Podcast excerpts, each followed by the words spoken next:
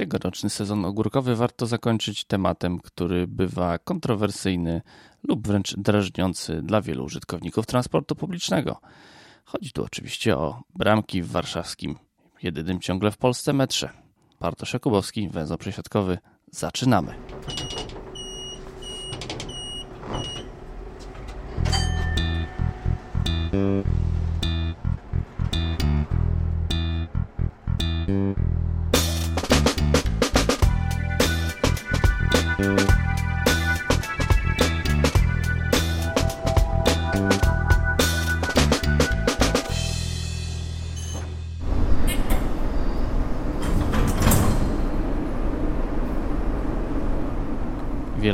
Że tylko przeszkadzają, dla innych są obojętne lub stanowią po prostu nieodłączny element klimatu metra.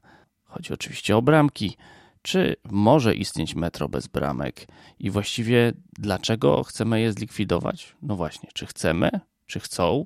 Przedstawiciele organizacji pozarządowych działających w Warszawie zdecydowanie sprzeciwiają się dalszemu istnieniu bramek. Dlaczego chcą je zlikwidować? O to zapytałem Barbary Jędrzejczyk ze Stowarzyszenia Miasto jest Nasze. Dlaczego likwidujemy bramki? E, likwidujemy bramki, bo uważamy, że nie są potrzebne, zwyczajnie. E, zatem tłumaczy, że bramki są potrzebne z uwagi na to, że e, w ten sposób właśnie mogą analizować przepływ pasażerów. No i, no i co, co według nich jest ważne, to że w ten sposób mogą wyeliminować na przykład gapowiczów. Z tym, że sami też doskonale wiedzą, że mniej więcej 3% pasażerów nie, nie kasuje biletów, e, a tym samym e, na, dla tych e, 3% 97% pasażerów jest właściwie e, skazanych na to, że za każdym razem, aby skorzystać z transportu, ale tylko oczywiście metra, muszą wyjmować swoją kartę miejską bądź e, swój bilet jednorazowy. Z czego też warszawiacy generalnie częściej korzystają właśnie z tych e, biletów długookresowych. E, czyli kupują na przykład bilety miesięczne, e, a tym samym no, muszą za każdym razem właśnie tę kartę wyciągać, żeby tylko skorzystać z tego transportu, e, czego w ogóle nie muszą robić przy innych środkach transportu, czyli na przykład korzystając z autobusu albo z tramwaju, to nie jest konieczne. Więc dlaczego metro zostało w ten sposób zabezpieczone? Trudno jest odpowiedzieć na to pytanie. Według nas to jest niepotrzebne, zwłaszcza też, e, że koszty utrzymania tych bramek są bardzo wysokie oraz e, samo to, że e, jeszcze niedawno zostały wymienione te bramki i to, są, to były koszty 10-milionowe w zasadzie w ciągu dwóch lat. Jest też jeden rodzaj biletów, których nie mhm. można skasować w tych bramkach. To są bilety pojazdowe z autobusów, mhm. które przecież uprawniają do przesiadek. Tak tak, to prawda. E, no to jest właśnie kolejny, kolejny kłopot. No i tutaj też e, jest bardzo ważny element jakby całej tej dyskusji, ponieważ e, przy stacjach metra często powstały węzły przesiadkowe, które między innymi miały służyć temu, żeby można było się łatwo przesiąść. No i rzeczywiście można się łatwo przesiąść, na przykład z autobusu do tramwaju, ale jeżeli już się chcemy przesiąść na przykład z autobusu albo z tramwaju do metra, no to już musimy szukać karty miejskiej albo biletu. No więc to, czy to jest łatwe? No nie powiedziałabym, zwłaszcza jak patrzę w godzinach szczytu na pasażerów, którzy w panice szukają swojego biletu stojąc przed bramkami i robiąc też korek po prostu zwyczajnie jeszcze pozostaje kwestia dostępności po prostu dla osób z ograniczonymi możliwościami mhm. poruszania się, osób gorzej widzących lub niewidzących, które w jakiś sposób muszą sobie z tą bramką poradzić, nawet jeżeli jej nie widzą lub na przykład idą okuli, okulach mhm. y, lub w jakikolwiek inny sposób. No, dla, według nas y, jest to po prostu zbędna przeszkoda, którą trzeba pokonać. I zupełnie, mm, zupełnie jest niepotrzebna też z uwagi właśnie na to, że jeżeli chcemy, żeby e, warszawiacy korzystali z transportu publicznego, to powinniśmy się przed nimi otwierać, a nie zamykać.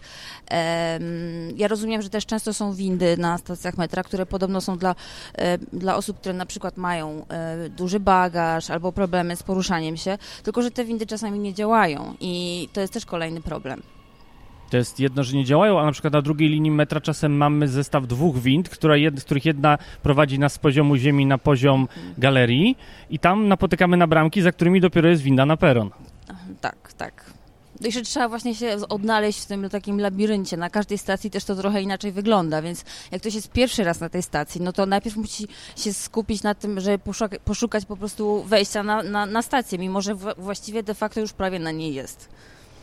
Do tego nam dochodzi jeszcze kwestia tego, że część pasażerów najzupełniej w świecie nie potrzebuje biletu, ponieważ są na przykład już y, emerytami, y, mają y, uprawnienia na przykład z uwagi na Mhm. oddaną krew lub inne sposoby i oni muszą szukać nagle tej jednorazowej wejściówki, których nigdy nie ma.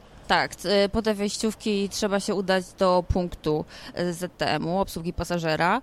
Em, oczywiście, jeżeli się gdzieś już nam zawieruszą albo skończą, zużyją. Kiedyś były ba- w bardziej dostępnych miejscach, ale okazywało się często, że osoby, które miały kartę miejską, wolały używać za każdym razem tych jednorazowych wejściówek, bo po prostu e, były najczęściej w takich podajnikach bardzo blisko bramek i to też umożliwiało im po prostu szybciej przedostać się na peron. Tak, i pojawiały się kampanie ZT mówiące o tym, jak należy wyciągać wejściówki, żeby nie rozsypać i żeby brać tylko jedną, jak w misiu. y, Trzymać w okładce, nie jęć, nie niszczyć.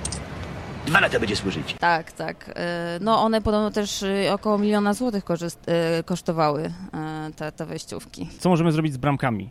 E, Mhm. Jeżeli nie bramki, wiemy, że kiedyś bramek w metrze nie było i metro jeździło Mhm. na samym początku istnienia. Kto jest bardzo ciekaw, może znaleźć archiwalne Tak. zdjęcia. Natomiast co możemy zrobić innego zamiast bramek, żeby nie tracić e, tego, co bramki dają? No bo w sumie co bramki dają? No ZTM się tłumaczy, że dają właśnie to, że na przykład y, może liczyć pasażerów. No może warto zapytać ZTM-u o to, y, kiedy takie analizy były przeprowadzane, ale z tego co wiemy też są inne środki, aby tych pasażerów liczyć y, i z tego korzystają na przykład, nie wiem, galerie handlowe czy inne instytucje, które potrzebują tego, tego typu danych. No, według nas po prostu wystarczy z nich po prostu zrezygnować i jeżeli są jakieś potrzeby takie, żeby liczyć tych pasażerów, no to właśnie wybrać ten alternatywny sposób liczenia. Mm, A jeżeli chodzi o gapowiczów, no wydaje mi się, że teraz ten system i tak, ich, y, i tak można ominąć y, bramki, bo można na przykład zjechać windą. E, Więc e, to nie jest tak, że te bramki e, likwidują właściwie gapowiczów w metrze. A w jaki sposób y, miasto się w ogóle odniosło do, do waszych postulatów? A, Czy w ogóle była jakaś odpowiedź ze strony miasta? No nie, niespecjalnie. My nawet chcieliśmy się właśnie spotkać z, z przedstawicielami ZTM-u, ale nie, jakby nie dostaliśmy odpowiedzi. Nie było zgody na to, żeby się spotkać, żeby porozmawiać nad jakimś e, rozwiązaniem, które by było, było satysfakcjonujące dla nas i dla ZTM-u. Dziękuję bardzo. Dziękuję. Jako, że ZTM nie chciał spotkać się z działaczami Stowarzyszenia Miasta jest Nasze, postanowiłem sam zapytać rzecznika ZTM-u Tomasza Kunderta, po co właściwie są bramki. Bramki w metrze to nie jest tylko urządzenie do sprawdzania biletów i wpuszczania na teren stacji, na peron y, osób, które bilet, y, posiadają ważny, ważny bilet. Y, To jest także element systemu bezpieczeństwa w metrze. Bramki pozwalają na szybkie, ewentualne w razie jak- jakichś nieprzewidzianych wydarzeń zamknięcie stacji metra, bo można je po prostu zablokować. Także na szybkie otwarcie można je jednym ruchem, tak naprawdę jednym przyciskiem y, otworzyć. Y, A drugi inny aspekt związany z kwestią bezpieczeństwa związany z bramkami jest taki, że bramki y, w pewien sposób y, regulują ruch pasażerów na, na perony. Y, Peron jest, y, ma przez mm, perony w metrze y, to jest przestrzeń dużo mniejsza niż y, ta część stacji, która jest na antresoli, czy też jeszcze piętro wyżej na poziomie e, pierwszym poniżej, e, poniżej e, ziemi. Bramka powoduje to, że ten strumień osób, które wchodzących na peron po schodach jest uregulowany, nie jest to duża grupa, nie jest to tłum. Bramka jak gdyby troszeczkę spowalnia ten ruch, ruch i osoby, które wchodzą na stację metra, jeśli jest to duża grupa, gromadzą się na większej przestrzeni przed linią bramek. W momencie, gdyby e, wchodziły te wszystkie osoby razem e, w wielkim, wiel- dużej grupie e, po schodach na, na peron, mogłoby to być trochę niebezpieczne. Szczególnie widzimy to w przypadku, gdy mamy na przykład na stadionie narodowym dużą imprezę, kiedy rzeczywiście te naraz duże grupy osób wychodzą z, z, ze stadionu i wtedy te bramki regulują ruch w ten sposób, że naraz na peronie metra na tej ograniczonej przestrzeni nie robi się e, duża grupa ludzi, e, nie robi się tam ciasno.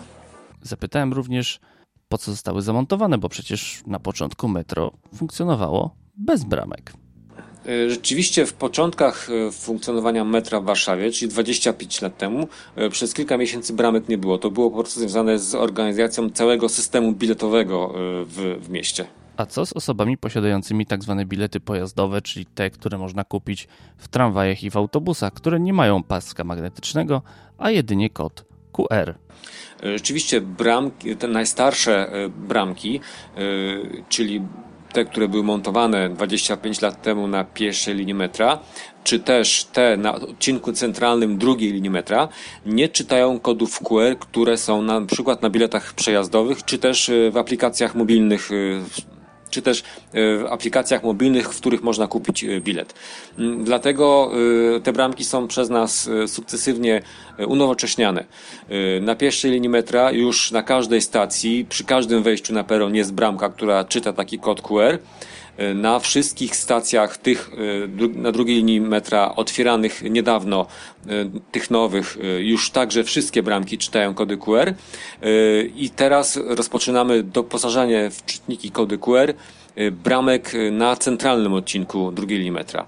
Mm, nie ma ich tam po prostu dlatego, że w momencie, kiedy była projektowana i budowana druga linia metra, centralny odcinek, kody QR nie były jeszcze e, tak powszechnie e, stosowane. Tak, tak, tak, to była tak naprawdę technologia, która dopiero się rozwijała e, i wtedy jeszcze nie było tak powszechnych urządzeń do drukowania biletów, czy też innego różnego rodzaju kodowania informacji za pomocą kodu QR i dlatego te bramki tych kodów nie mają. A w czasie budowy pierwszej linii metra to w ogóle jeszcze nikt nie myślał o czymś takim jak kod QR. A co z osobami, które nie potrzebują biletów, ponieważ są uprawnione do bezpłatnych przejazdów? E, młodzież ze szkół podstawowych ma kartę ucznia. W szkole każdy uczeń szkoły podstawowej dostaje e, kartę, na której ma zakodowane uprawnienie i wchodzi normalną e, bramką. Młodzież licealna kupuje już normalne bilety, więc także tę kartę posiada lub bilet kartonikowy. E, osoby, które mają uprawnienia od bezpłatnych przejazdów, mogą takie uprawnienie zakodować sobie na e, karcie miejskiej i także wchodzić e, przez każdą bramkę. Natomiast jeśli nie chcą tego zrobić i takiej karty miejskiej nie mają, mogą skorzystać z bezpłatnych wejściówek kartonikowych, które można wziąć na każdej stacji i przejść przez bramkę korzystając właśnie z takiej bezpłatnej wejściówki. To są wejściówki wielokrotnego użytku, można ją po użyciu schować do portfela i spokojnie używać kilkanaście razy. Chyba najważniejsze pytanie. Koszty. W tym roku miasto stołeczne Warszawa wyda 476 tysięcy złotych na doposażenie 8 sztuk bramek na centralnym odcinku drugiej linii metra w czytniki kodu QR. W zeszłym roku za 53 bramki miasto zapłaciło 11 milionów złotych. Jeżeli chodzi o bezpłatne wejściówki do metra, to przez półtora roku, a chodzi tu o rok 2018 i pierwszą połowę 2019, miasto wydało około milion złotych na to, aby je zamówić i dostarczyć na stację metra. W 2014 roku te bramki modernizowane, które będą teraz na centralnym odcinku drugiej linii metra, kosztowały w sumie 20 milionów złotych. Zatem co z kosztami? Funkcjonowanie komunikacji w ogóle kosztuje. Y, kosztuje kasownik w autobusie, kosztuje kasownik w tramwaju, y, kosztuje także y, obsługa i postawienie bramki w metrze. To jest spójny system kontroli biletów, kontroli, a także kontroli dostępu. I w przypadku metra te względy bezpieczeństwa wydaje się być tutaj właściwe do tego sposobu y, kontroli dostępu do stacji metra. Dodam jeszcze, bo zapomniałem o tym wspomnieć, że y, bramki metra y, także mają funkcję zliczania pasażerów. Wiemy dokładnie o której godzinie, którego dnia, na której stacji ile osób się znajduje, co ma znaczenie do planowania systemu transportowego Mówiąc najprościej, możemy e, ocenić, która stacja jest bardziej wykorzystywana i w jakich godzinach, i ewentualnie do tego dostosowywać e, rozkład jazdy metra, bądź też e, rozkład jazdy pojazdów warszawskiego transportu publicznego na powierzchni, które są pojazdami dowożącymi czy też rozwożącymi pasażerów ze stacji metra. Powodem, dla którego istnieją bramki, są rzekome analizy, które mają być wykonywane na podstawie danych z bramek. Zapytałem zatem do jakich analiz są wykorzystywane? Te dane są wykorzystywane tak naprawdę zawsze i codziennie, bo one spływają do nas na bieżąco. Na ich podstawie analizujemy ruch pasażerów. Te dane były wykorzystywane chociażby przy okazji planowania komunikacji, funkcjonowania komunikacji w Warszawie w okresie e, e, pandemii. E, wtedy, kiedy mieliśmy wprowadzone ograniczenia liczby osób, które mogą jeździć transportem publicznym, mając dane z bramek metra i z liczników w autobusach, wiedzieliśmy, na które linie musimy dodać autobusów, aby tych limitów nie przekraczać. I wreszcie na koniec. Cóż innego można by zastosować zamiast obecnych bramek, aby nadal zachować tę samą funkcjonalność, a żeby metro było nieco bardziej przyjazne i wygodne dla pasażerów. Zdecydowaliśmy się na utrzymywanie obecnego, obecnego systemu y, bramek. To jest system stosowany powszechnie w wielu y, metrach, w wielu, wielu sieciach y, kolei podziemnej na całym świecie i nie planujemy w tej chwili zmian. Zatem, jak sami słyszeliście, najprawdopodobniej bramki zostaną z nami jeszcze na długi czas, choć czy na pewno są aż tak niezbędne? Na to pytanie musicie odpowiedzieć sobie sami.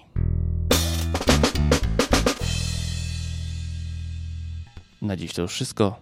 Serdecznie dziękuję patronom podcastu, a w szczególności Piero, Pawłowi Zegartowskiemu, Pawłowi Szczurowi, Tomaszowi Tarasiukowi, Monice Stankiewicz, Pawłowi Łapińskiemu, Andrzejowi Kaźmierowskiemu, Peterowi Jancowiciowi, Janowi K., Jerzemu Mackiewiczowi, Jakubowi Kucharczukowi, Michałowi Cichoszowi, Łukaszowi Filipczakowi, Pawłowi Musiołkowi, Filipowi Lachertowi, Jaskowi Szczepaniakowi, Jurkowi Gostkowi, Kubie Czajkowskiemu i Szymonowi Woźniakowi. Jeżeli chcecie do nich dołączyć, serdecznie zapraszam Was na patronite.pl przesiadkowy, gdzie znajdziecie swój bilet, który przeczyta każda bramka. Do usłyszenia.